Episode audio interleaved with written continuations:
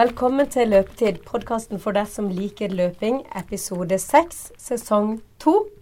Velkommen. Hei, hei. Hei, hei. Og uh, i dag så har jeg ikke vært på fest. Det høres sånn ut. Men jeg, det høres sånn ut. Men jeg har hatt influensa, så da har jeg ikke så veldig mye stemme igjen. Og det er jo litt rart for meg. Jeg snakker jo hele tida. ja. Nei, men du skal vel klare å lede oss gjennom det her for det? Ja, Så vi, ja, ja. vi klarer vi er nok lyd på dette til at Ja. vi skal nå fram i headsetet til folk. ja. Så ja, i dag høres det ut som en hes gås, så det er godt at vi har med deg, Birgitte. Ja. Hun kommer faktisk fra fest. Jeg, kommer, jeg burde jo være hes. Ja, for du har vært på fest. Jeg har vært på fest. På en torsdag kommer du hjem fra fest. Eh, eh, nei, ja, det er ikke så galt. Jeg var på fest på en onsdag. Jo, jeg, jo, jeg kom jo egentlig hjem torsdag. Ja. Det. Ja, det var en bransjefest, da. Ja, Så det var det. der vi vant priser. Oi. Vant du dere noe? Eh, Ja, Fundament vant noen priser der. Oi, Ja. så gøy. Absolutt. Dette er for reklamebransjen, og de vant eh, to gullpriser. Ja, og bronse. ja. Eh, Så vi er fornøyd. Det er Så bra. Så det, det er litt mer fest i reklamebransjen enn i skolen. For det, her er det ikke så mye å hente. Men i hvert fall så er vi i gang med første uka etter vinterferie her på Sørlandet. Og jeg vet at dere to hadde begge planer om mye skigåing. Mhm. Hvordan har det gått? Jeg kan ta begge først, da. Ja, jeg hadde en eh, god skitur alene. Gått eh, innover eh, heia med hund og veldig trått føre. Så jeg ble skikkelig svett og andpusten. Um, og så var det litt sånn småturer med barn og pulk, og, men det er jo ikke liksom de store utfordringene. For det er begrensa hvor langt barna orker å gå. Så det blir på de sine er premisser. Ti og åtte, og så er det hun på fire som skal gå litt selv og sitte litt i pulk. Og, Ja, okay, Ja, så det blir sånn generelle bevegelser. Ut på tur Ja, en ja. to-tre timer, kanskje. Ja, maks. Og, Det er jo kjempebra. altså, turen er målet, for å si det sånn. Det, Ja. det er ikke noe Vi skal ikke noe annet enn nødvendigvis over vannet. Men uh, vi kommer oss ut, og vi får beveget oss litt. Ja, og du er jo hytte på fjellet, så det er jo klink umulig å få på seg noen joggesko og drive og løpe oppi Ja. der. Og det er heller ikke noe poeng. Altså, du kan gå på ski, så gå på ski. Ja. Mm. Og så er det ikke mye preppa løyper. Vi er ganske langt inne. Så det blir, uh, mye, så det blir mye frigåing. Uh, Ja, det går bare rett slett i løssnøen. ja, mye av det. Ja. Eh, vi kan også gå andre veien, men da begynner du på nedoverbakkene. Og så må du ta oppoverbakkene tilbake igjen. Og det er ikke alltid like motiverende, kjenner jeg. Er, ja, jeg vet ikke. Syns jeg. Vi er motsatt på Bortli. Jeg har vært eh, på hytta sjøl, og jeg har gått mer på ski. Ikke noe strukturert, bare kommet meg ut. Eh, og da er det typisk at jeg går opp på morgenen før familien står opp, og så går jeg kanskje halvannen time. Og så har jeg vært med de litt på tur, og så ut på en ny tur på kvelden. Okay. Ja.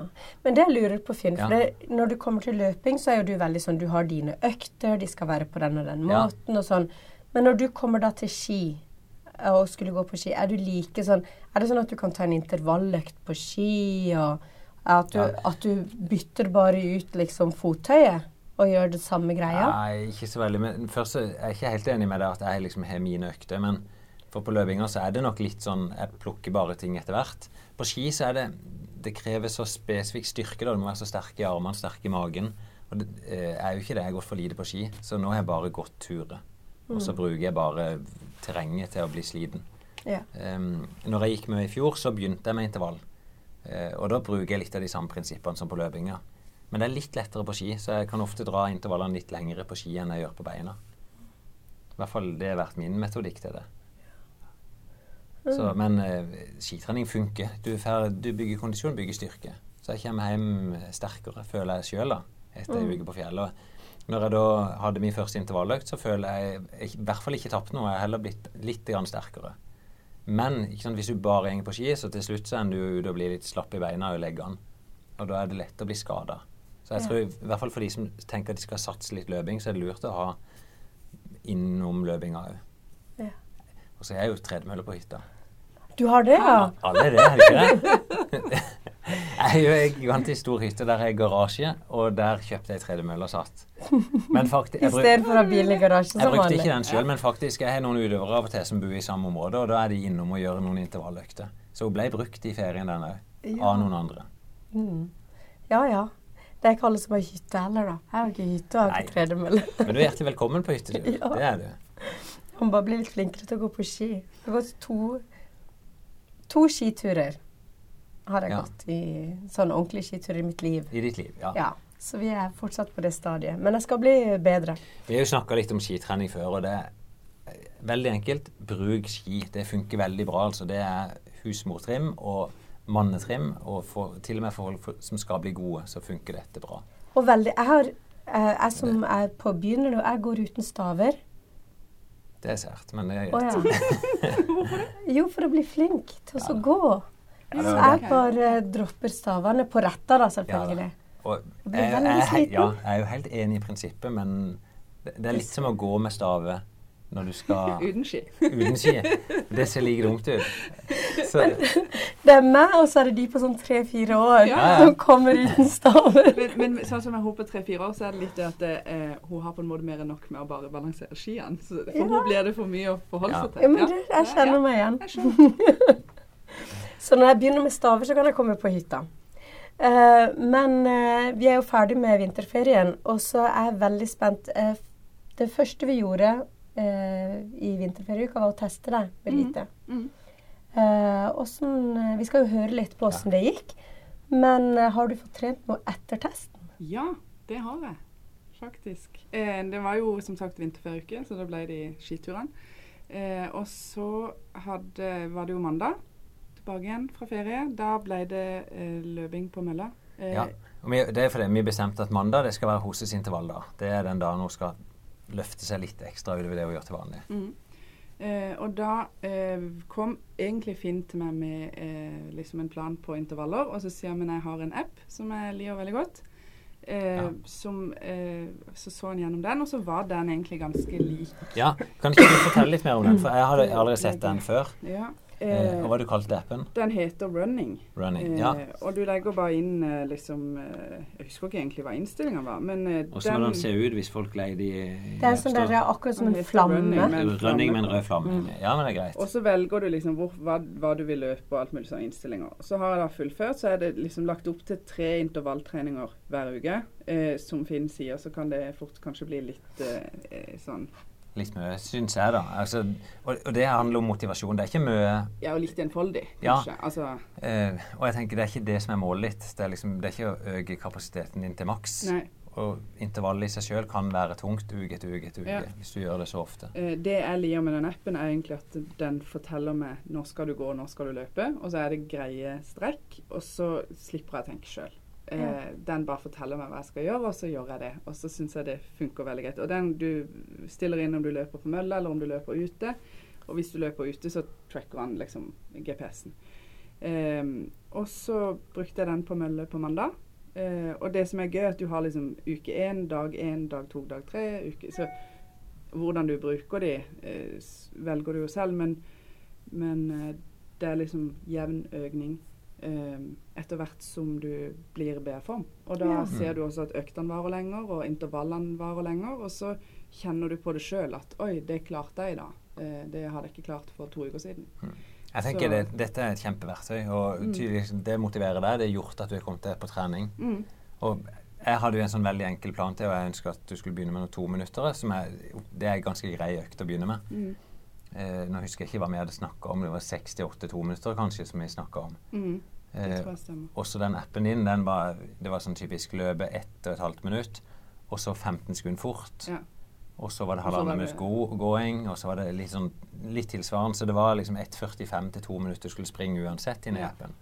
Så det er sånn da kjører vi bare på den, og det funker jo kjempebra. Ja, Og da sprang hun vel effektivt 14 minutter, Ja. og ja, kanskje ti minutter gåing. Var det noe sånt? Jeg vet ikke lang økta de var totalt. han 25 varer minutter. på altså, fem minutter oppvarming, og så varer han 25 minutter totalt. Og så er det fem minutter Ja. ja avkjøling. å si etterpå. Så det eneste vi snakka om etter vi hadde bestemt det, var jo ca. farta hun skulle springe på. Ja. Sånn at hun hadde et forhold til det. Mm. Og Og da det- også økte Da begynte jeg jo på åtte. Ja. og så økte jeg til 8,2 og 8,4 og 8,6. ja. Det var, og vi skal jo inn og høre på testen, men det var, når vi testa òg Det er jo ikke noe de fleste gjør, men jeg gjør jo dette til vanlig, så det er veldig enkelt for meg å bli litt Mm. kjent med henne. Og, og ser at ok, hun kan springe ganske moderat da, i 8-8,5 km i timen. Mm. Da vet vi noe veldig greit utgangspunkt for ei intervalløkt. Mm. Men skal vi gå inn og høre på, På testen? På testen? Ja, vi begynner der. Det er gøy å høre på. Du, nå stender vi på jobb. Vi er klar. Jeg ser til og med for første gang i mitt liv så ser jeg Birgitte i tights. Jeg ser det i joggesko. Ja, og Eh, eh, trenings... Og eh, treningstøy. Dirty girl ser det Ja. ut som. Ja, jeg sånn sett setter jeg da i dette antrekket Ja, før. du har det. Ja, Mm. det er bra. Og så ser jeg Eivind her. Hey! Kjent seg med. Eh, og vi har et testskjema som ligger klart. Og det, det testskjemaet er fra Kondisfabrikken. Vi tester Eivind her ganske nøyaktig et år siden, eller et lite år siden. Da sto du, Eivind, og, og kikka mot mm. New York Marathon. Jo da. Eh, og jeg husker vi gjorde opptak der ute der du endte opp og sa at du var i Fritz kjeller. Ja, jeg var i kjelleren til Fritz Kjeller. Kjente altså.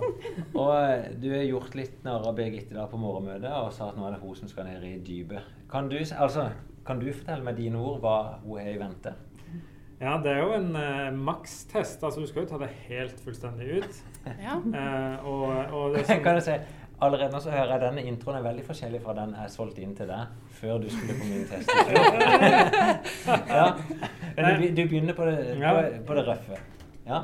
eh, eh, Det skal jo sies at eh, Finn er jo Han er jo eh, Altså, eller som Anna Margarita sa før vi gikk inn her nå, så kan du gjøre ditt Du kan bare gjøre ditt beste. Mm. Uh, og, og alt er jo relativt, så, så forfinner seg jo det mm, ti ganger så fort. Og, og, men, men det er like tungt for Ja. han som det er for deg. Ja. Uh, men, men eh, og, og nå poenget her er at du tar det helt ut. Uh, og det vil kjennes veldig godt ut etterpå, kan jeg si. Ja. Så det kan du trøste deg med at når du er ferdig, når du virkelig har Og du vet med deg sjøl nå tok jeg meg helt ut, så kan du kjenne på Yes, dette var, dette var det jeg kunne i dag. ja, det er sant. Men eh, Eh, og, og, og, det, det, det, og det er kjempetungt, men, men samtidig så er det deilig å bare ta seg helt ut. Ja, så bra. Ja. Ja, det, og, men det jeg kan si, det er nok den delen av testen som vi får minst bruk for. Ja. Det er den der makskapasiteten. Ja. Det som jeg egentlig ville solgt inn, er at vi skal ut og prøve å teste kondisjonen din for å finne hvor, hvor, hvor er ditt utgangspunkt. Mm. Og det viktigste er at vi skal starte rolig, og vi skal gjøre ting ganske behagelig for deg. Og det er to Så. tester. Det er en test der du vi finner det vi kaller anarob terskel. Altså når begynner du å produsere mer melkesyre enn så er du klarer å kvitte det med. Mm. Eh, og den er ganske behagelig. Jeg husker når du òg tok den i fjor, Eivind, Ja, så, så syns du at Mm. dette var greit. Ja, ja. Og så for å finne maks, altså finne makspuls og få et forhold til hva er det virkelig seg ut, så gjør vi den makstesten til slutt. Men den er veldig kort. Det er, den- det er den jeg husker best. Den husker du best, og den husker vi jeg godt.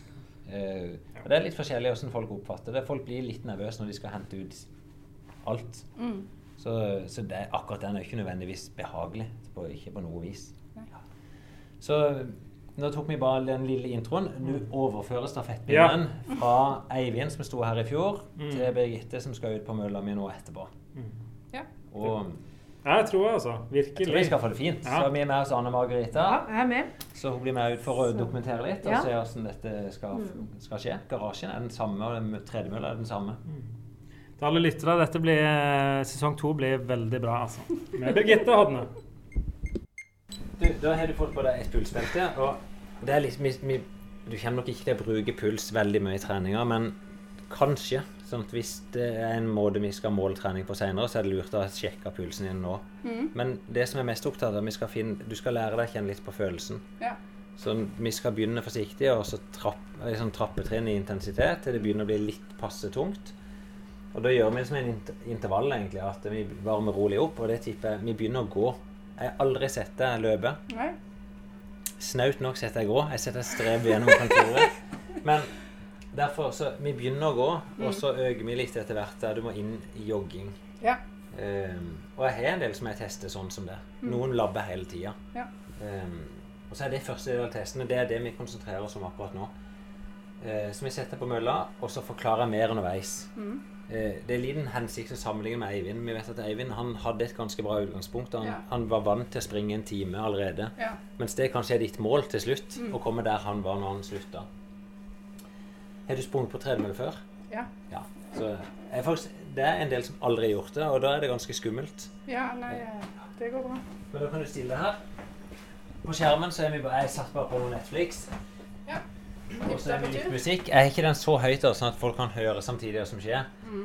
Men her inne har jeg jo to møller, to skjermer, og du er da plassert på den ene av dem. Ja. puls på 95 nå. Ja. Og sannsynligvis fordi du er litt nervøs. Ja, det er det. Um, jeg vet ikke hva pulsen din er til vanlig, men det- å stå oppreist krever litt av seg sjøl. 60, Ja, si på det. Hvis du ligger nede, så er du kanskje 60, ja. Ja, 55, 60. Ehm, men når du begynner å springe, så forsvinner den nervøsiteten. Ja da, Ja, det. Ja. Ehm, vi begynner i gang først. Så bare liksom for å komme i gang med ca. ti minutter med oppvarming. Mm. Og for at du jeg skal føle deg litt trygg, altså. Ja. Og så begynner han veldig forsiktig, så det er ikke noe sånn Jeg tenker, Nå setter han bare på 6 km i timen. Mm. Jeg setter han òg på 1% stigning. Og det er for alle testene vi gjør, det gjør vi med 1 sånn at det er likt. Ja. Det samme gjør Olympiatoppen. ikke sant? Så når du en gang kanskje blir toppidrettsutøver, så kan du sammenligne tilbake i tid, da. Det er gøy. Ja. For når du har trent før, da du har jogga lite grann, Ja. sant? Ja, så du er vant til å jogge i seg sjøl. Ja. Da tenker jeg, Vi begynner i hvert fall å gå det litt i gang, så skal vi bare se hvordan pulsen er.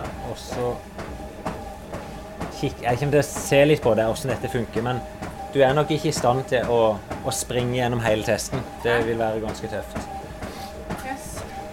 Og så har Joakim han har tippa hvor høyt du kommer på maksen. Ja, Det skal bli spennende å se. Han var tippa han 15. Han tipper du skal klare å komme opp til 15 km Ja, han i sa timen. det, ja. Jeg syns det høres litt fort ut. Ja, jeg Men det, synes det. ja. Men jeg, fikk liksom, det var, jeg, jeg var egentlig ikke så nervøs før jeg prata med Eivind, og så sier han Nei, jeg er oppe på 19. Så tenkte jeg sånn Shit, det var heftig. Samtidig, jeg skal ta inn noen data. Jeg, jeg pleier alltid bare å skrive på papir først. og jeg har best kontroll, syns jeg, og så fører jeg det inn på dataen etterpå. Ja. Eh, Birgitte. Birgitte Hodne. Og du er født 24.7.84. 4.7.84. Cirka høyde på den, så 1,69. ja. Vekta vil du ikke snakke om, egentlig? Nei. Så X. Jeg kan si, Når vi gjør den testen, så er ikke vekta viktig. Men sånn som når du kommer tilbake for en senere test, så kan det være lurt å ha notert vekta, for vekta gjør noen utslag på resultatene dine òg. Ja. Så sånn som Eivind, som Han prøvde å lure meg på vekt. ikke sant? Så han sa ca. 80 når han var her, og så veide vi han, så veide han 84,5. Så det kan være lurt for deg sjøl når du begynner et løp, og så ha et forhold til det. ja. Er. Så, og det betyr ikke noe for meg, og du er vekk men nå setter jeg bare en X der. Ehm, og det er egentlig det jeg trenger å vite om det. Det er liksom det hvem du er. Eh, Jeg pleier å notere ned telefonnummer og e-post, men det har jeg jo på deg, så vet vi det, så jeg kan sende resultatene. Eh, Så, så blir det ti minutter oppvarming. Nå, nå labber vi på seks, jeg kjenner det jo ikke fra før, så da pleier jeg ofte bare gjennom oppvarminga å skru litt opp, for jeg ser på det at dette er veldig lett. Ja. Men jeg har jo veldig korte bein. Altså seks er ganske fort gange. Ja. Men det som er det, ja, men det er litt sånn artig at du sier det. Det er jo faktisk sånn Noen av verdens beste kappgjengere kan òg ha veldig korte ja, bein. Ja, ok. Fordelen med korte bein er at det, det er veldig lett å gå med høy frekvens. Det er bra. Men er det noe du anbefaler folk eh, som liker å løpe, å investere i ei mølle hvis de har plass hjemme? Etter hvert så må jeg nok si ja. Jeg, har jo bilde fra når jeg kjøpte mølle. Det var jo når eh, ja, De yngste jentene mine de var vel ett år, tenker jeg. Da, da kjøpte jeg tredemølle. Hadde jo ikke plass til det i huset. Og da hadde jeg inne på soverommet hos de. Så sprang mens de lå og sov. Og det, det funker jo faktisk. Men greia var jo da at eh, vi har jo fem barn. Og når kona mi var ute, så kunne ikke jeg trene hvis de ikke hadde noen tredemølle. Så vi kjøpte den. Og jeg ser det gir folk litt mer frihet, da. Så hvis folk har veldig lyst til å løpe, så kan det være en god investering. Og så bruker jeg det jo òg når det er fryktelige forhold ute. Men det er ikke absolutt nødvendig, men det gjør det litt mer behagelig, da. Mm. Så der nå er du snart løpt i ti minutter. Nei, løpt. Løpt, Du er godt. er godt, ja. Det, for meg så virker det som dette er relativt behagelig for deg. Sånn. Første stikket. Da finner vi bare liksom hva utgangsverdien din er. ja. Og så venter du. Nei, bare vent. Bare hold den sånn at bloddråpen bare Du må sikkert holde et minutt ca. Ja. Og så går du på på ti og et halvt minutt igjen. Se. Der viser den 1,5. Og det var egentlig helt tipp topp. Mm. Og da, da vil jeg nok ha deg i gang til å løpe, så da skal vi ha deg opp tenker jeg vi må ha det opp på åtte, for syv blir Ja, sånn nå er jeg sånn midt imellom. Skal jeg lø løpe eller gå? jogge. Der. Er dette følelse at, at dette er litt fort å jogge? Eller? Nei, dette er helt greit. Ja. Jeg vil ha det litt mer. Jeg setter deg på syv og en halv. Ja. Sånn. Det er ikke alltid så lett, særlig med utrente folk, å vite akkurat hva som er den åpningsfarta. Nei. Er det fortsatt litt sånn at vi kan sette Klarer du å jogge hvis jeg setter den på syv? Ja. Ja. Ja, det blir ikke absurd. Ja, men det er bra. Jeg vil heller begynne litt forsiktig enn at vi begynner for hardt. For det, ofte kan det bare pike rett til værs. Jeg kan si litt puls. Det er vanskelig å tolke noe rett ut ifra puls, for det, pulsbildet til folk er litt forskjellig. Eh, men vi vet, sånn, vi vet noen ting. De fleste har en hvilepuls mellom 60 og 70, sånn, hvis ikke du er trent. Også makspuls på Ofte sier du 220 minus alder. Eh, og du er 34 år, så på et vis kan du forvente at du er en makspuls på rundt 185 f.eks. Ja, ja. Jeg ser det. 33. Nei, vi sier 185-190 kanskje i maks. Eh, og når du ligger nå på 125, så vil jeg, jeg vil også tolke at det er relativt lett. Laktaten, det er melkesyra di i blodet. Og hvileverdi er ca. 1.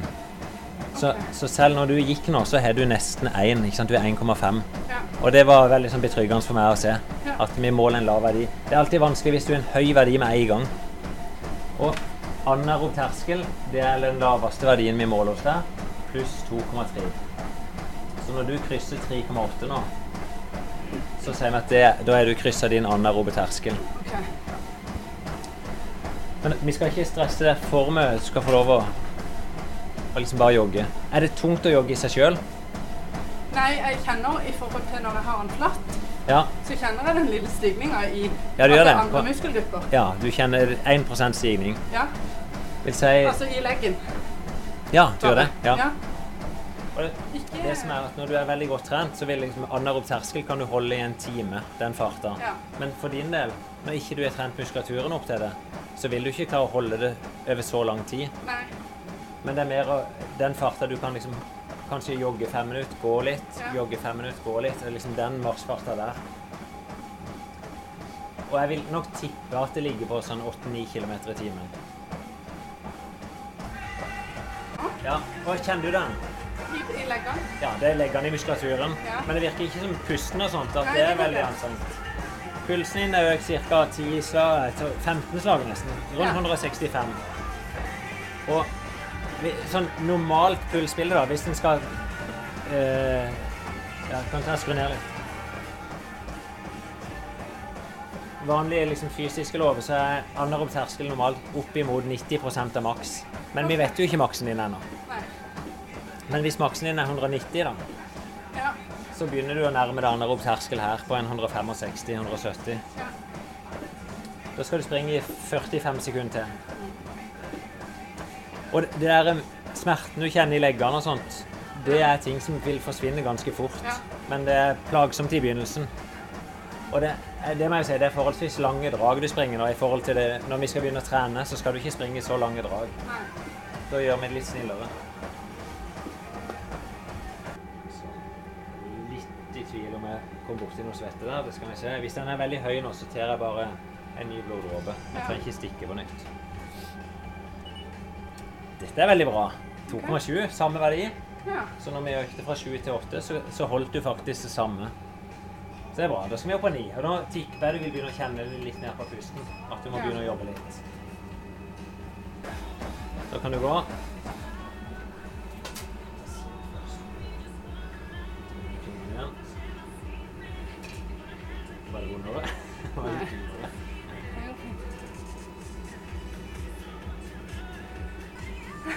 Fantastisk. Da krysser du veldig lett forbi han over terskelen. Oi, han var så vittig.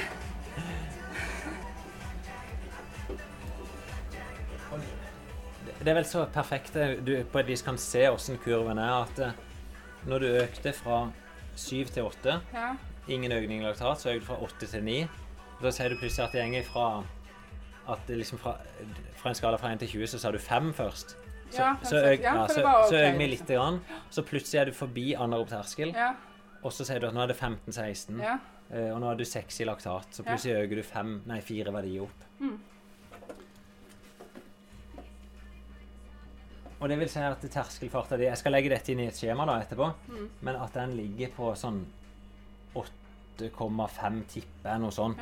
Eh, men det, det ligger det formelig inne på. Men det vil si, sant, hvis du skal prøve deg på ei mølle senere og skal springe intervall, så skal ikke du pushe nødvendigvis så hardt som du gjorde nå. Du skal Nei. faktisk enda litt roligere. Jeg har faktisk ligget på 8,5 Ja. på mølle. Sånn, det har vært sånn utgangspunkt på liksom, den farta. Så, Så det bra. var jo veldig spot on, faktisk. Men nå har du òg stigning. Det har jeg òg, ja. Ja. Stigninga utgjør litt over en halv kilometer okay. i timen.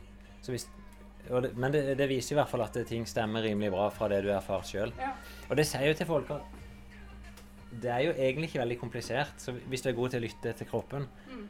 så finner du ut av dette sjøl. Mm. Du, Ja.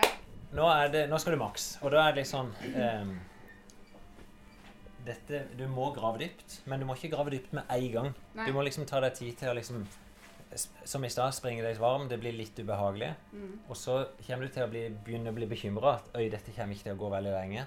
Men det er en del å hente. ja. Og det er på slutten du må grave dette fram. Mm. Så prøv liksom når du går på mølla, ha litt sånn tålmodighet. Og vær villig til å bruke noen minutter på å ha det vondt. Mm. Senke skuldrene. ja. Er det Fritz Kjeller som er? Fritz Kjeller er målet. Da er vi der. Og det, heldigvis for deg så bruker han litt grann tid på å komme i gang. Og det gjør jeg på alle, så det, det er likt. Ja. Den her er bare sånn at ikke du skal springe inn i stoppknappen, så at du får en liten sånn varsel. ja. Da er du i gang. Pulsen din når du begynte nå, den var rett over 100. Ja. Så da skrur jeg gradvis opp musikken litt. Grann.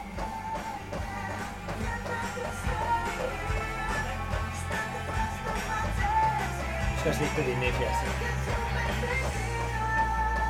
Pulsen begynner bare sånn gradvis å gå, så dette, dette skal gå relativt greit akkurat nå.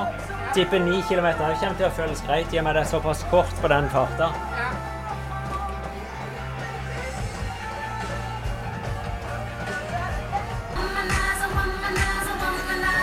Pulsen er 180. Jeg tippa jo sjøl Ja, se på dette. tippa sjøl kanskje en 185-190 i makspuls. Vi skal nok se at du tyner deg opp imot 190.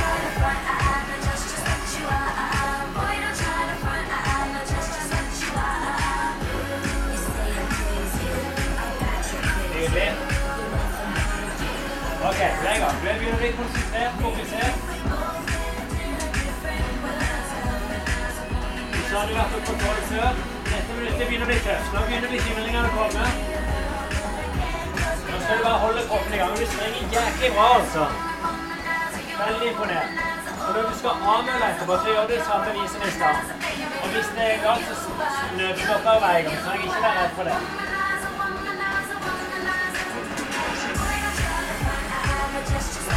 Veldig bra. Dette er fart til 50 minutter på en 10 km, så det er god fart.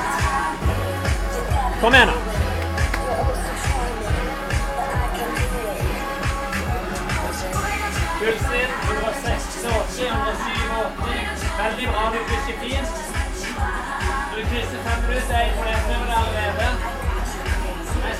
Springer veldig bra, egentlig.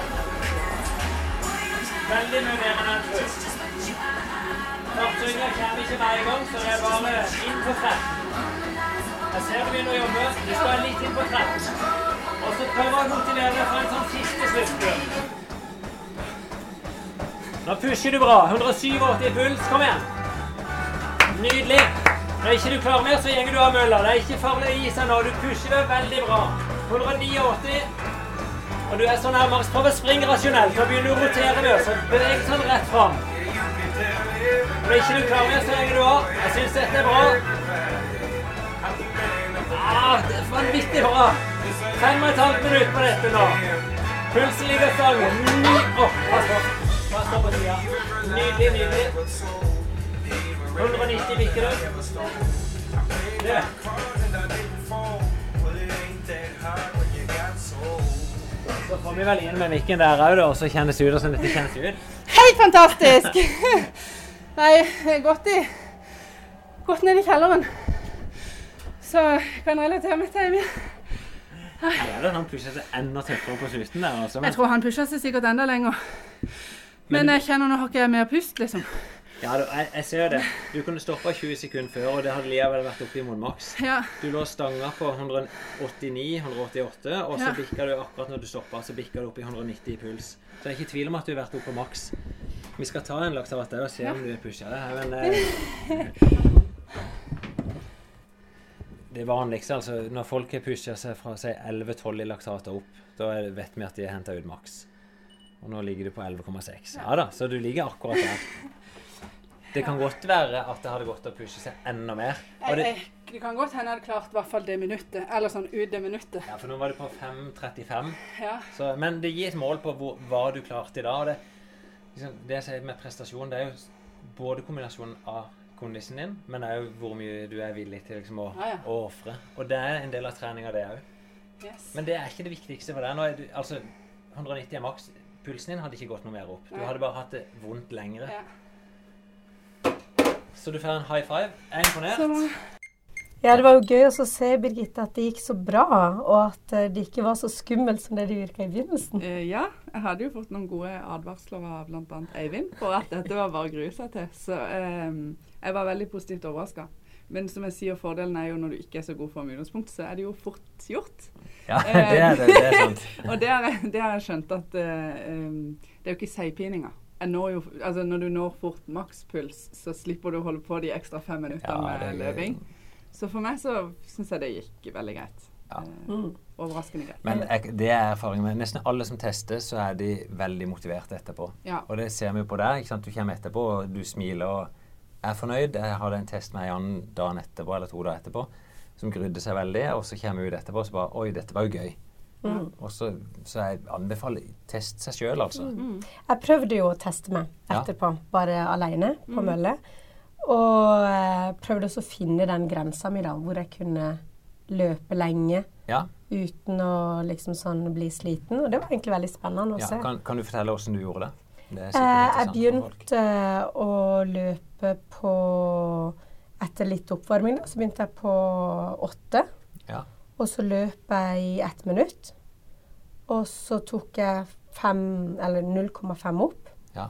Og så løp jeg et ett minutt og 0,5 opp. Og så holdt jeg på egentlig sånn til jeg begynte å merke at pulsen ble så tung at eh, jeg hadde lyst til å gå av, da.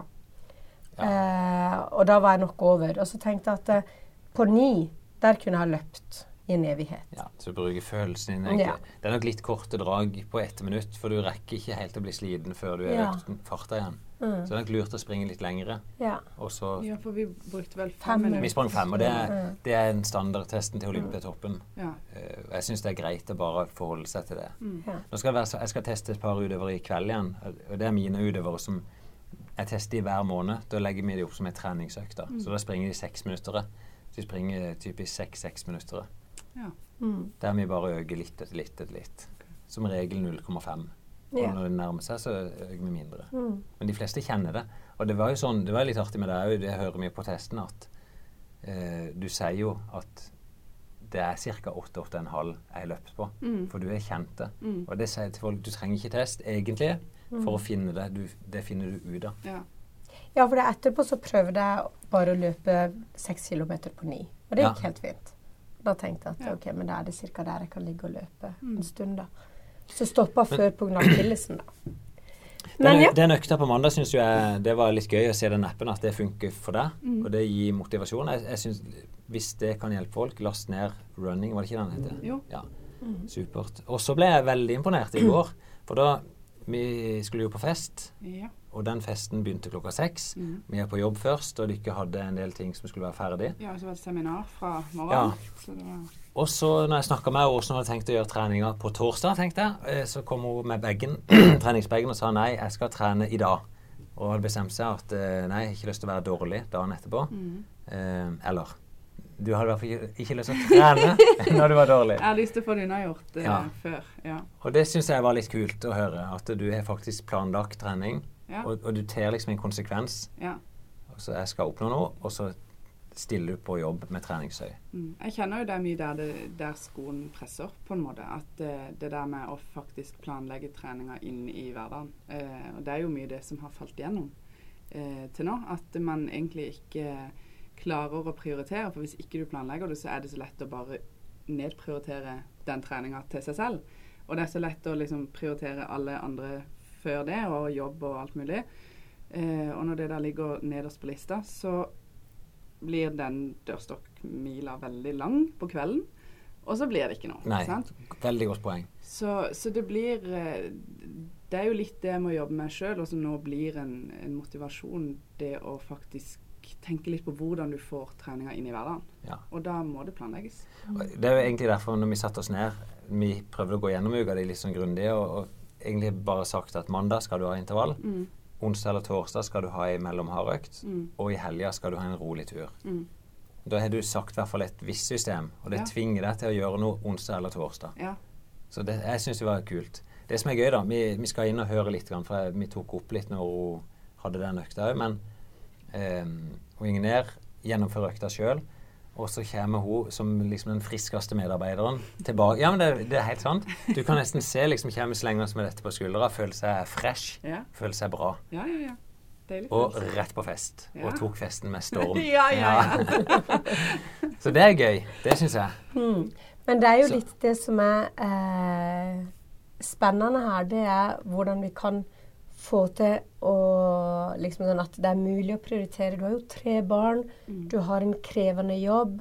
Eh, det å komme seg fram og tilbake, levere, Mm. og samtidig at det går an å legge inn trening og komme i god form Mm. og oppnå de målene man har satt seg. Ja, det er jo Eh. i hvert fall min eh, største motivasjon. Det der, eh, og nå Ja. har jeg et mål å strekke meg mot som gjør at jeg, jeg må prioritere det.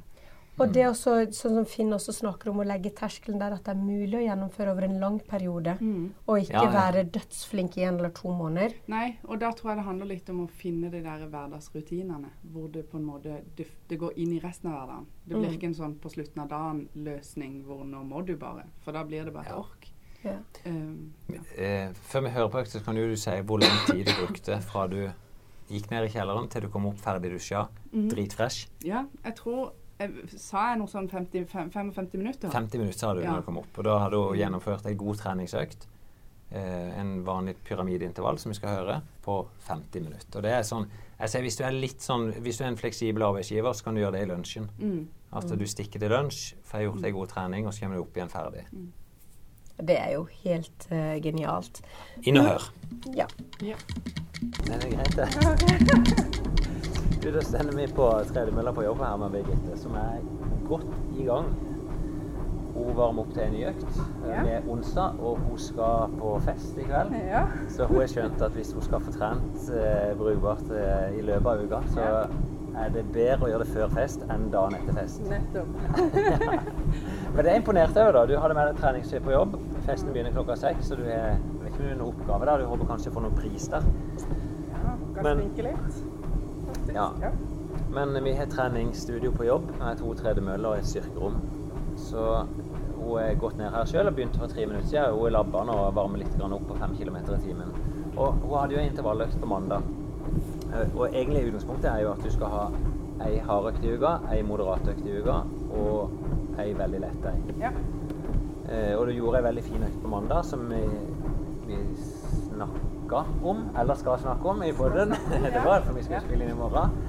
Men eh, du er litt motivert for ei litt tøffere økt i dag. Du skal få litt mer enn moderat. Og jeg har ikke lyst til at du skal gjøre det så likt som sist, men at vi kan introdusere noe som heter pyramide. Og du hadde ikke hørt om det når jeg spurte hva en pyramideintervall er. Nei. Eh, det, det er jo mest for å få variasjon, men òg motivasjon. Ikke sant? Variasjon kan gi motivasjon. Ja, Eh, I hvert fall tenker jeg sånn at det å gjøre det samme hele tida, da blir du fort lei. absolutt. Ja. Eh, så når jeg planlegger, så tenker jeg ikke sant, Sist så hadde du ca. 14 minutter total varighet på løpinga di. Ja. Og det er litt sånn jeg prøver, det er sånn jeg planlegger øktene, at jeg ser hvor mye eh, skal du løpe, så øker vi det jevnt og trutt. Ja. Og 14 minutter på mandag ville jeg sagt hvis en tok utgangspunkt i at du skal springe ca. 15 minutter. Ja. Eh, ja. Og det er, det er en veldig enkel pyramide. Mm. Det er egentlig at du skal springe fem minutter, fire minutter, må jeg bekrefte oss for hver. Så kommer neste. Tre minutter. Ja. To minutter. Ett minutt. Det er 15 minutter sammen. Ja. Det er jo en økt som jeg ofte gjør sjøl. Og når jeg skal springe maraton, så kan jeg gjøre opp i fire serier av den. Da gjør jeg enten bare fire ganger akkurat sånn, eller så gjør jeg fem, fem, fem, fem, fire, fire, fire, fire, tre, tre, tre, tre, og så. Ehm, det som vil være nytt for deg, er å holde på såpass lenge som fem minutter. Vi gjorde jo det på testen sist. Ja. Mm. Men eh, det å gjøre dette alene, for jeg skal ikke stå her og overvåke deg nå, nå er det ingen som pusher deg. Du skal få gjøre dette sjøl. Eh, og da er det eh, oppvarming til noe sånt. Jeg ville sagt en plass mellom fem og ti minutter er mer enn nok. Ja. Fem minutter er ofte nok. Ja. Men så er jo liksom, hva skal startfarta være? Eh, vi vet anarob terskelen din var ca. 8,3. Mm. Og det vil si vi må starte litt under åtte. Ja. Eh, jeg ville tenkt sånn 7-7,5 at det er nok. OK. Eh, hvis en skal være litt sånn si, snill med det og gjøre ganske grei første gang, så ville jeg sagt kanskje jogge fem minutter på syv, Mm. og så øker vi med en halv på hver. Ja. Så får du fire minutter på syv og en halv, tre minutter på åtte, to minutter på åtte og en halv og ett minutt på ni. Ja. Det tror jeg skal være ganske greit. Og så som pause så labber du ett minutt. Ja. Det er utgangspunktet. Nå er det sånn at pausen Det er ikke avgjørende at det er akkurat ett minutt. Hvis du føler at du trenger litt mer tid i starten, så gjør du heller det. Mm. Men tenk at det, du skal springe de fem minuttene, og så fire minutter, tre minutter to minutter. Ja. Skal du prøve? Ja. Ja. Um, eller denne stå, så kan du spille inn litt sjøl. Ja. Ja, da har jeg løpt de første fem minuttene på syv. Eh, litt andpusten, men det føles veldig greit. Eh, det blir spennende å se etter hvert hvordan det endrer seg når farta går opp. Men eh, foreløpig så kjennes det veldig fint ut.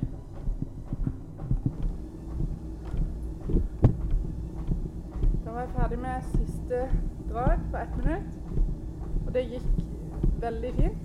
Eh, jeg trodde det skulle bli tøffere mot slutten, men det var egentlig ganske komfortabelt at tida ble kortere. Så gikk det veldig fint. Eh, jeg var litt spent i begynnelsen på For jeg kjente at det var tungt å løpe, eller tyngre å løpe fem minutter. Jeg har løpt mye intervaller i det siste på litt kortere tider.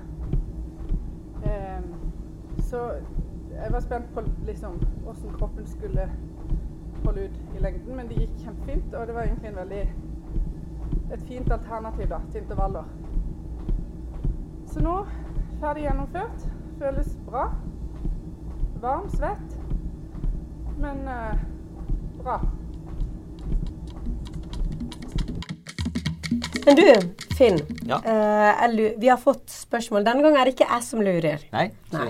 Det er ikke meg som lurer, men det er en lytter som spør om vi kan få en liten update på hjertet ditt. Ja. Det har jo vært eh, Jeg er spent sjøl. Så ja. Ehm, jeg har fått innkalling nå. Jeg skal inn og sjekke hjertet om jeg tror det er to uker til. Da skal jeg gå med sånn overvåking av hjertet, og så skal de etter som jeg forstår, ta en ultralyd og sjekke at ting er fint. Um, jeg har ikke vært så fornøyd som jeg hadde trodd. Jeg, jeg sa jo det fram til jul, nyttår, så kjente jeg litt sånn ubehag. Jeg syns det har vært at um, når jeg puster, så føler jeg at det, det funker ikke helt. Uh, men da gikk jeg jo til legen min, og han sier det er bare å kjøre på. Og det har jeg jo bare gjort. Eh, så jeg har hatt et par episoder der jeg følte at jeg har hatt litt flimmer. Men så stender jo i papirene at det kan skje. Så da er det mer sånn Jeg blir ikke redd, jeg blir mer bare sånn der Fasan, skal det liksom Må jeg gjennom det på nytt? Jeg håper ikke det. Mm. Så ja. Men har du hatt noen sånn kraftige episoder, liksom? etter- Nei, ikke, ikke noe kraftig, men jeg har hatt Der jeg har gjort noen harde treningsøkter der det plutselig kjenner at det er litt uregelmessig, da. Mm. Men så er det bare gått tilbake, sånn Ja. at det er ikke fortsatt. Men da er det jo Du havner jo på sykehuset flere ganger før. Før så gjør Ja da, jeg gjør det. Så det. er jo noe bedre. Så nei, jeg, jeg er selvfølgelig litt spent på de testene når de finner ut av det. her. Men det er jo åssen det fungerer i praksis som betyr noe til slutt. Mm. Så jeg håper det er bra. Ja. Da får vi en update etter at du har vært hos legen. Ja, og jeg fungerer jo veldig godt. Det gjør jeg jo. Jeg springer jo harde intervalløkter, Mm. og, og det funker. Ja. Men du, det er jo det der eh, eh, som noen er veldig glad i. og eh, Kanskje litt eh, vanskelig for løpere, og man kan få litt vondter her og der. Ja, ja. og det, Vi har vært inne i tre episoder på rad nå. Eh, på trening hos oss er det mange som er vondte nå. Og det er vondt i hofte, det er vondt i knær. Eh, og det er ofte pga. det her glatte føret. De springer litt anspent. Og da dukker skadene opp. Mm. Så du tok en eh, telefon til Maren, vår Ja. eminente fysioterapeut. Ja, vi snakka litt om eh, en skade som plager mange. og Det, det er vondt i kneet på utsida av kneet, som ofte stråler ned fra hoftene. Så kan hun fortelle litt grann om de sammenhengene der, og rundt løpekne, og litt behandling av det. Ja, Skal vi høre på det? Ja, da sender vi inn til Maren. Nå sitter jeg med Maren på eh, telefon på en app, eh, og hun sitter oppe i Trøndelag og har fått barnevakt for lille Mikkel. For eh, Magnus han er i OL, er det ikke det? I Pyongyang, hvis med samboeren din. Ja. Så da er det ikke lett å få deg ned hit, men det er veldig lett å få deg på en app, så jeg ser deg på i et fint lite vindu på mobilen min. Jeg håper at eh, folk kan høre der. Og vi, vi skal inn og snakke om et eh, Vi har vært innom dette problemet før, eh, noe som heter løperkne. Men nå er det litt aktuelt, syns jeg. For bare eh, siste døgnet så er det to stykker som er kommet til meg med vondt i kneet. Um, og vi har hatt en forferdelig kjip vinter her. Det har vært mye glatt. eh, Og jeg oppfatter sjøl at jeg får vondt i knær. Og disse her har jo kommet med, har og fått vondt i knær. Og så er spørsmålet får de vondt i knærne pga. glatta, eller er det andre ting? Og da, når jeg sjekka disse, så er liksom min konklusjon vært at her er det nok et løpekne. Så jeg tenkte vi kan ta en liten repetisjon på det, og så skal vi gå inn på om dette òg har noe med glatta å gjøre. Hvis det er greit. Og eh, løpekne eh, Vi vet at det er flere navn. Eh, jeg vet at du skrev en artikkel om dette i Runners World for jeg vet ikke, to-tre år siden.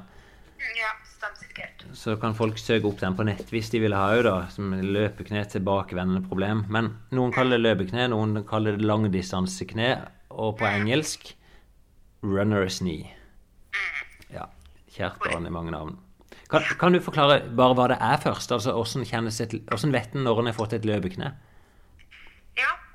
Løpekne det er en ganske sånn distinkt eh, smerte på utsida av kneet. Eh, Ja. Som regel kan pekes på med, med to fingre. Så det er veldig sånn enkelt å beskrive hvor smerten sitter, som regel. Ja, og distinkt betyr det? Altså det er en konkret Ja, det betyr det. Ja. Og, og, men når du sier at det det er smerte, det det er ikke hele tida? Det er når du springer, sant? Det er som regel kun når du springer, ja. Ja. Når du ikke er i aktivitet, så er det som regel helt smertefritt. Noe som òg ofte resulterer i at når, når eh, utøvere med et løpekne kommer på klinikken og, og skal undersøkes, så er det veldig vanskelig å finne den smerten ofte. ja. Eh, eh, fordi at det, det er aktivitetsrelatert. Um, og kanskje ikke så trykkømt hvis du ikke akkurat har løpt eller gjort det, provosere det fram, da. Stemmer. Og, og det som jeg ofte ser med utøverne, eller løpere, det er at eh, det gjør ikke vondt fra begynnelsen. At det blir vondere og vondere. Eller, de må kanskje springe tre kilometer eller fire kilometer, og så plutselig gjør det vondt. Og når gjør det vondt, da? Er det liksom når foten treffer bakken, når du skyver fra, eller når du trekker foten fram? Det vet jeg kanskje du best. ja, jeg har hatt det sjøl. I hvert fall ut ifra det erfaringen min, så er det mest vondt idet du trekker foten fram. Liksom idet Ja. i det du begynner å dra beinet fram, og du trekker foten opp, så, Ja, det- så gjør det vondt. Og, og det gjør vondere å springe på flatt og utfor enn å springe oppfor. Ofte kan, kan oppforbakkene være helt uh, uproblematiske. Grunnen til det er nok fordi at de, når du springer oppover, så strekker du sjelden kneet helt ut. Ja, stemmer. Da springer du med en, med, med en bøy i kneet tida, sånn at den friksjonen som det er som oppstår på utsida av kneet, eh, kanskje ikke kommer, da, fordi at du kommer ikke i den vinkelen som provoserer det fram. Ja, og det, Nå begynte du rett inn på årsaken, for du snakker om en friksjon. Eh, kan du forklare litt, Hva er liksom årsaken, og hvorfor får du det? Det er for at vi har et, et eh, langt senebånd, eller en lang sene, kan du egentlig kalle det, helt fra hofta, hoftekammen, og som går ned på langs yttersida av låret, og som fester seg nedenfor kneet på utsida. Ja, på utsida. Det, kjen, det kjennes vel Hvis du kjenner litt opp forbi kneet da, på utsida av låret, så kan du nesten kjenne som ei sene som går mer og mer utover, nesten som en muskel, eller bare sånn Ja, Det er godt, eh, godt trente personer så, så ser du jo den sena ofte står litt sånn fremtredende på utsida. Ja, stemmer det. litt i overkant av kneet også. Og så eh, har vi på lårbeinet, så har vi eh, nederst på lårbeinet så har, står knokkelen litt grann ut, det som vi kaller en kondyl. Og der så eh, oppstår det friksjon mellom den kondylen eller beinfremspringet og sena når den sena glir over den, det beinpartiet. Ja. Og da skaper den friksjonen etter hvert smerte, da. Ja. I sena. ja, så det er en friksjonsskade. Er det sena som gjør vondt, eller er det den knokkelen, da? Sena som gjør vondt. Ja. Ja så det blir samme smerten som en akilles, egentlig, som er vond? Ja, det kan kanskje beskrives litt på samme måte, ja. Men, men eh, akilles er jo mye forskjellige ting, ikke sant, som vi har snakka om før. Men man kan jo også få friksjonsproblemer ned mot akilles og feste og hælbeinet. Ja, Så stemmer. det blir jo litt det samme. Og, Ja. og grunnen til at folk får det- For jeg oppfatter ikke at det er bare folk som trener ekstremt mye, som får det. Det kan være folk som trener lite, som bare øker litt, så får de vondt. Det stemmer. Eh, av de som jeg har vært inne hos meg, eller ikke inne hos meg, men de jeg snakka med nå, da, så jeg prøvde å koble det litt mot glatta, for jeg ser at mange når de springer på glatta, at de lett får vondte i hofte, i knær, akilles. Er det noen sammenheng mellom det og løpekne? Altså glatta og sånt, vet du? Jeg, jeg tror ikke det er vist at det er noen sammenheng mellom det, men det er jo ikke en, en dum teori.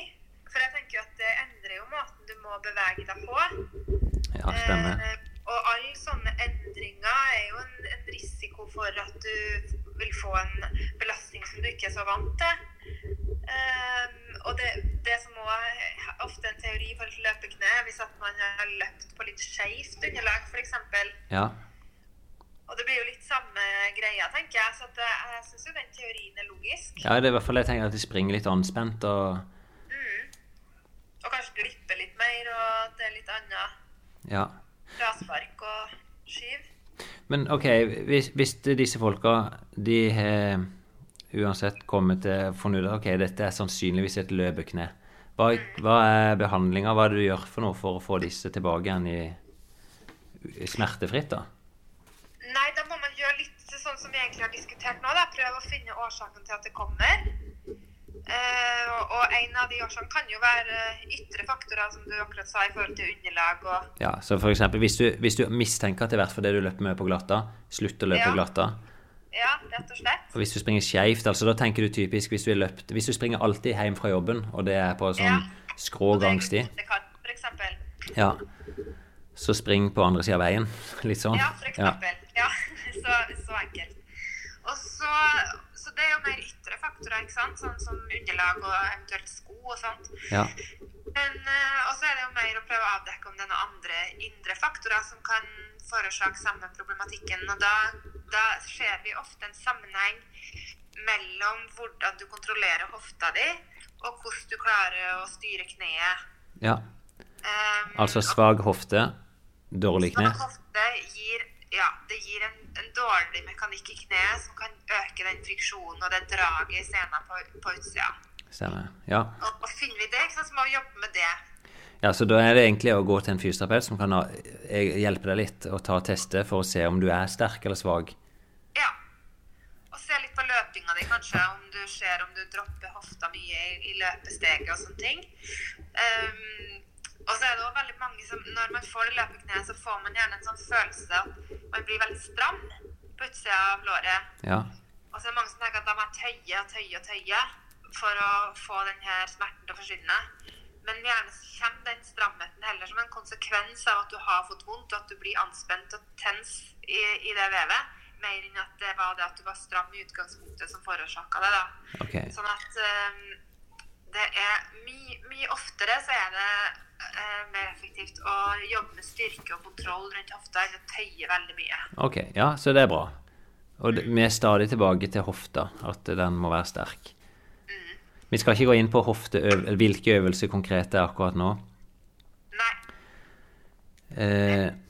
Kanskje vi har vært litt innom vi, det. ja, vi har vært innom akkurat det fra før, så da kan folk høre litt eh, om det. Og vi kan godt ta noe repetisjon av det seinere, men ikke akkurat nå, tenker jeg. Eh, jeg vet jo i forhold til hva med løping i seg sjøl, altså det å fortsette å trene, hva tenker du om det? Jeg tenker at man må finne det nivået som man kan holde seg på uten at man hele tida provoserer smerten. Vil det si å ikke springe med smerte, eller at du kan springe fram til det gjør vondt? Ja, eksempel. Eller man må jo ta et valg her, da. ikke sant? For det er jo det er jo ikke sånn at det er farlig å ha en smerte i kneet. Det er jo ikke noe at du Du vil ikke bli invalid for resten av livet ditt ved å løpe litt med smertene i kneet. Nei.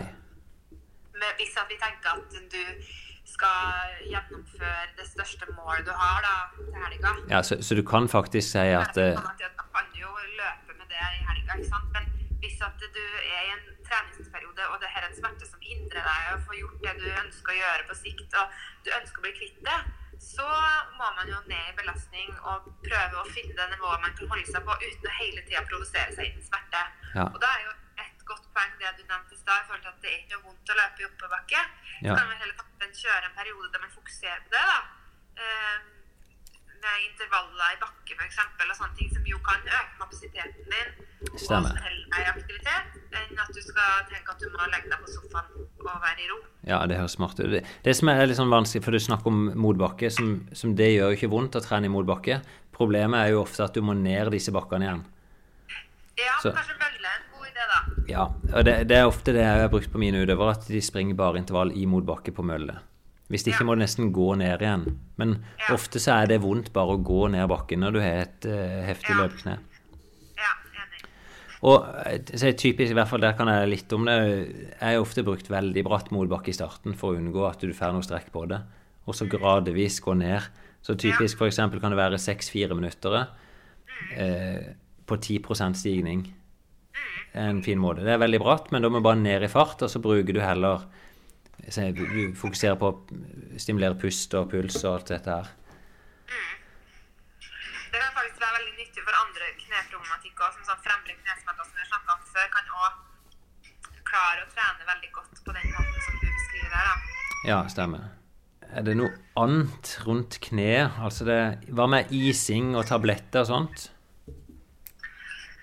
Ising er, kan være en, en hvis at du har så vondt at du trenger smertedemping. Gjelder det egentlig generelt folk som iser ned betennelse og andre skader, at det først og fremst Ja. er for smerten? Det er ikke noe med skadebehandling å gjøre? Ja, det, eller det har ikke noe på sikt å gjøre. Det er ikke noe sånn at uh, Is har jo fått veldig sånn ufortjent godt rykte i forhold til det at man må legge på is med en gang man tråkker over og sånn, sånne type ting. Men, uh, men is er egentlig ikke det viktigste. Det er det vi har snakket om med kompresjon. ikke sant? Fordi at Ja. is er bare det, det største effekten den har, er jo bare å lindre smerten. Ja, ok.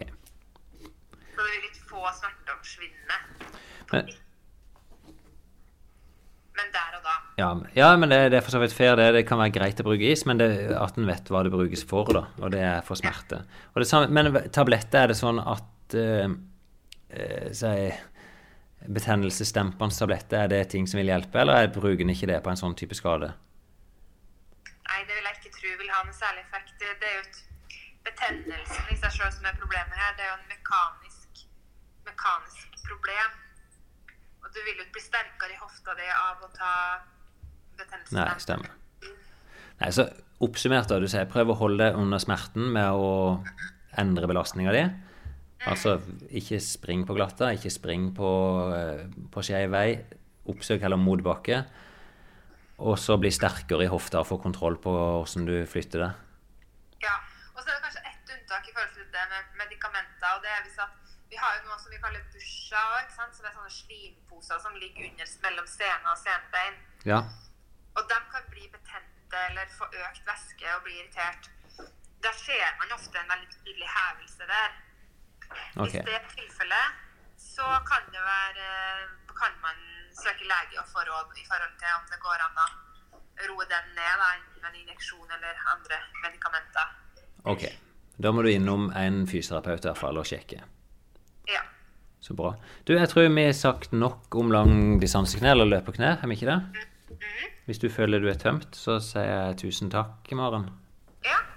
Eh, vi har jo noen lyttere som eh, lurer på forskjellige ting. Og Tommy Rasmussen, han eh, skrev en melding til oss. Og den sier at når han er ute og løper med andre Ja, og han springer med oss, så dette Oi, er jo han jeg kjenner. Ok, Når han springer med Finn, da, så lurer han på om Finn har en fasit på skrittlengde og frekvens. Ja. Det, det, jeg vet ikke om vi kan kalle det en fasit, men vi etterstreber jo å ha ganske høy skrittfrekvens. Og da snakker vi om ca. Hvis du ser det magiske tallet 180, så er det en høy skrittfrekvens når du springer ganske fort. da. Når du jogger, så er det nok mer naturlig å ha 160-170. Eh, Det hadde ikke du sagt til meg før. Nei, det Jeg har jo slitt meg i hjel, for jeg løper jo med det metronomen på 180. Ja, men jeg, jeg tror det kan være veldig god trening og øvelse i det for folk som vil ha opp skrittfrekvensen, og øve seg til å ha litt høyere enn det de er vant til. Ja. Så, så for, til Tommy da, så er det liksom Prøv heller å korte ned skrittlengda litt og få opp takta. Og så når du da har takta på plass, så vil du naturlig øke skrittlengda òg. Så forenkla så er det Det gjelder jo å ha veldig mange skritt som er veldig lange. Men problemet ja. du, når du, hvis du tenker på at du skal lange ut skrittet, så da henger takta ned. Og så får du ofte stemma. At du setter foten foran kroppen. Og når du gjør det, så får du stem, du bremser imot, og du spretter opp. Så- Ja, for når jeg blir sliten, så Så- blir skrittene mine lengre. Ja. Og Det, det er mer behagelig å springe sånn. Du liksom hviler på hvert steg. Liksom, Mm. boink, bump. Så liksom alltid opp med frekvens. Det er nesten det eneste jeg tenker på når jeg skal springe fort på løp. Det er frekvens. Mm. Da tenker jeg hele tida. Og jeg, måten jeg prøver på, det har jeg sagt før òg, prøver å Når jeg trekker fram kneet, så skal ikke ankelen gå foran kneet. Jeg skal bare liksom trekke kneet fram og så piske beina under meg. Det er min tanke, da, å løse det på. Så må jo folk finne sin. Ja. Så, men ikke, Eh. ikke tenk på hvor lange stegene skal være. Tenk på hvor forte de skal være. Mm. Og det går faktisk Så. an å, å høre på et sånt et metronom, sånn at man får en følelse. Ja, du har løpt hele turen med det. Det er Ja, jo galskap. Jeg gjør det Eh, fortsatt. ja.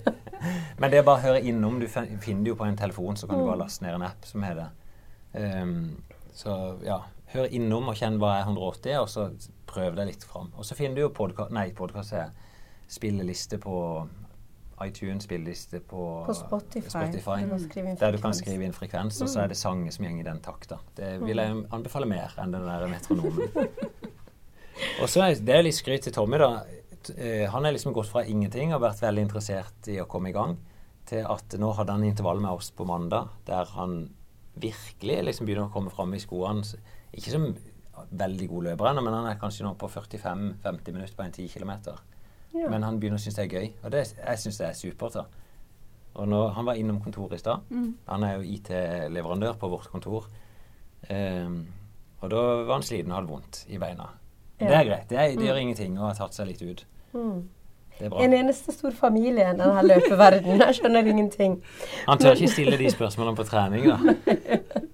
Nei, men Tommy, du kan bare stille de her, så skal jeg ta Ja. de videre. Eh, så har vi ei ane som ønsker å være anonym, da. Men hun trener eh, ganske mye styrke.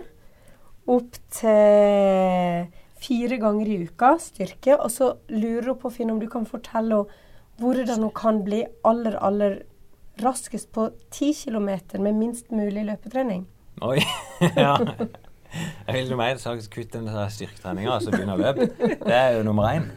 Du, du, litt sånn enkelt så kan du si at du blir ikke god til å løpe av å trene styrke. Eh, hun trener crossfit. Da blir du god i crossfit. Du blir, du blir jo bra trent, og du får en liksom god grunnform, men du springer ikke fort på en 10 km, dessverre. Det blir liksom litt for mye anarop, det blir litt for mye biff.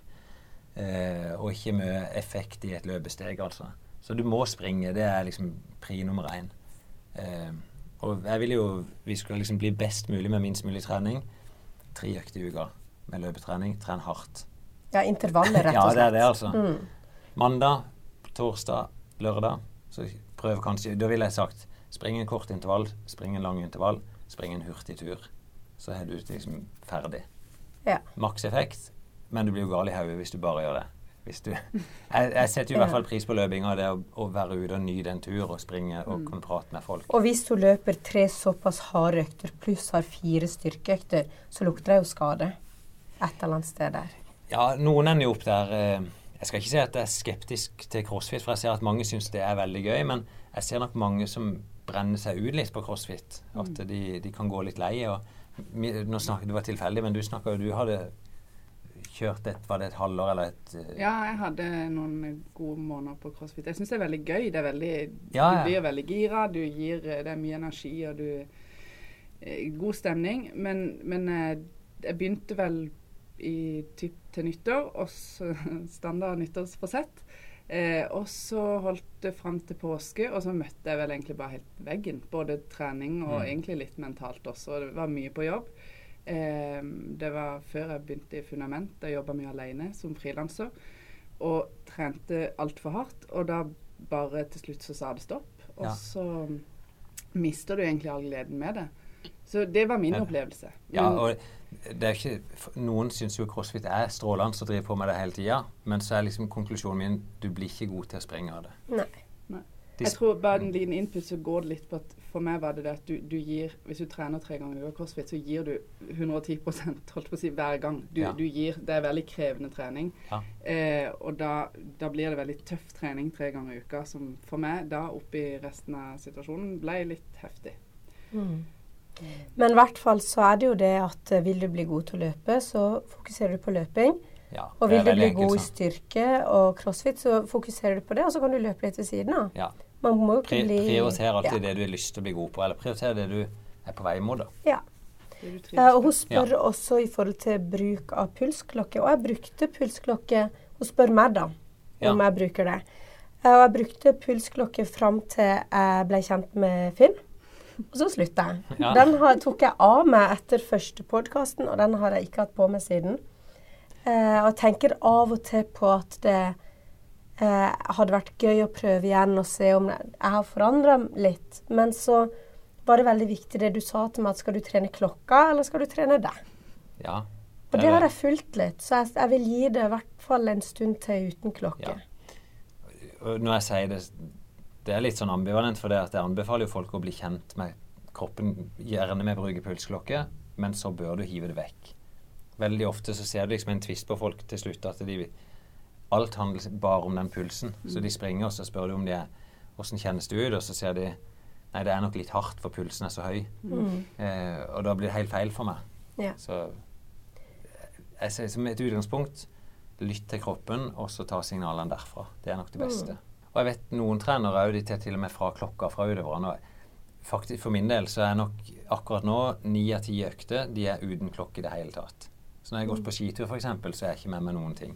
Da ser jeg på klokka når jeg er det på mobilen. Mm. Og så ser jeg på den når jeg er tilbake, og så vet jeg ca. at det var halvannen time. Jeg trenger ikke vite hvilken sone det var. Nei. Men eh, det høres ut som eh, ja, alle tre er på vei et sted. Ja, du, du har ikke sagt så mye om skaden din. Nei. For du var litt på vei i siste periode at du følte nå var du i hvert fall i bedring. Litt etter litt.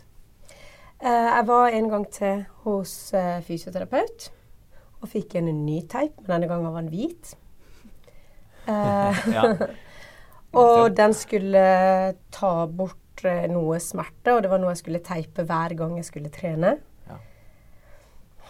Ja. Jeg løp seks kilometer med den teipen, og det er akkurat samme som uten teip. Det gjør litt vondt, men det jeg lærte han fysioterapeuten da, at jeg kan tåle en viss smerte uten at det er farlig. Eh, så eh, han har hjulpet meg til å trene for det om det gjør vondt, da. Opp til sånn en skala fra fra én til ti, så skal jeg kunne trene på fem, da. Ja. Uten å være så veldig bekymra. Eh, og så går den smerten vekk mye raskere enn det han gjorde før. Og det har blitt Ja. mye bedre. Og så har jeg jo ligget med influensa, og det har jo gjort at nå har jeg nesten ikke noe vondt i det hele tatt. Så det hjalp å avlaste. Ja, så nå, skal jeg, nå eh, regner jeg med å begynne å trene igjen og ha tre løpeøkter i uka. Men jeg begynner veldig moderat. Ja, og det er viktig. Etter du har vært ute, så bruk et par uker på å bygge deg opp igjen. Ja. Hvis ikke er skaden tilbake med en gang. Mm. Så bra. Så jeg tror at jeg har lyst til å friskmelde akillesen min. Det vil ikke jeg nå. Jeg vil friskmelde i neste episode når du sier at du kan løpe uten smerte. Okay. Det er jo det du ønsker til Ja, slutt. selvfølgelig Ja. så er det det jeg ønsker. Så neste episode skal vi se om vi kan friskmelde den. Ja, så tenkte jeg eh, Vi har jo hatt henne på test. Mm. Eh, vi må jo se litt på styrketrening for Birgitte. Mm. Så det kommer til å spille inn på vei til neste episode, og så tar vi det inn der. Ja. Ikke det fint? Men da er det bare å fortsette den gode treninga. Vær så god.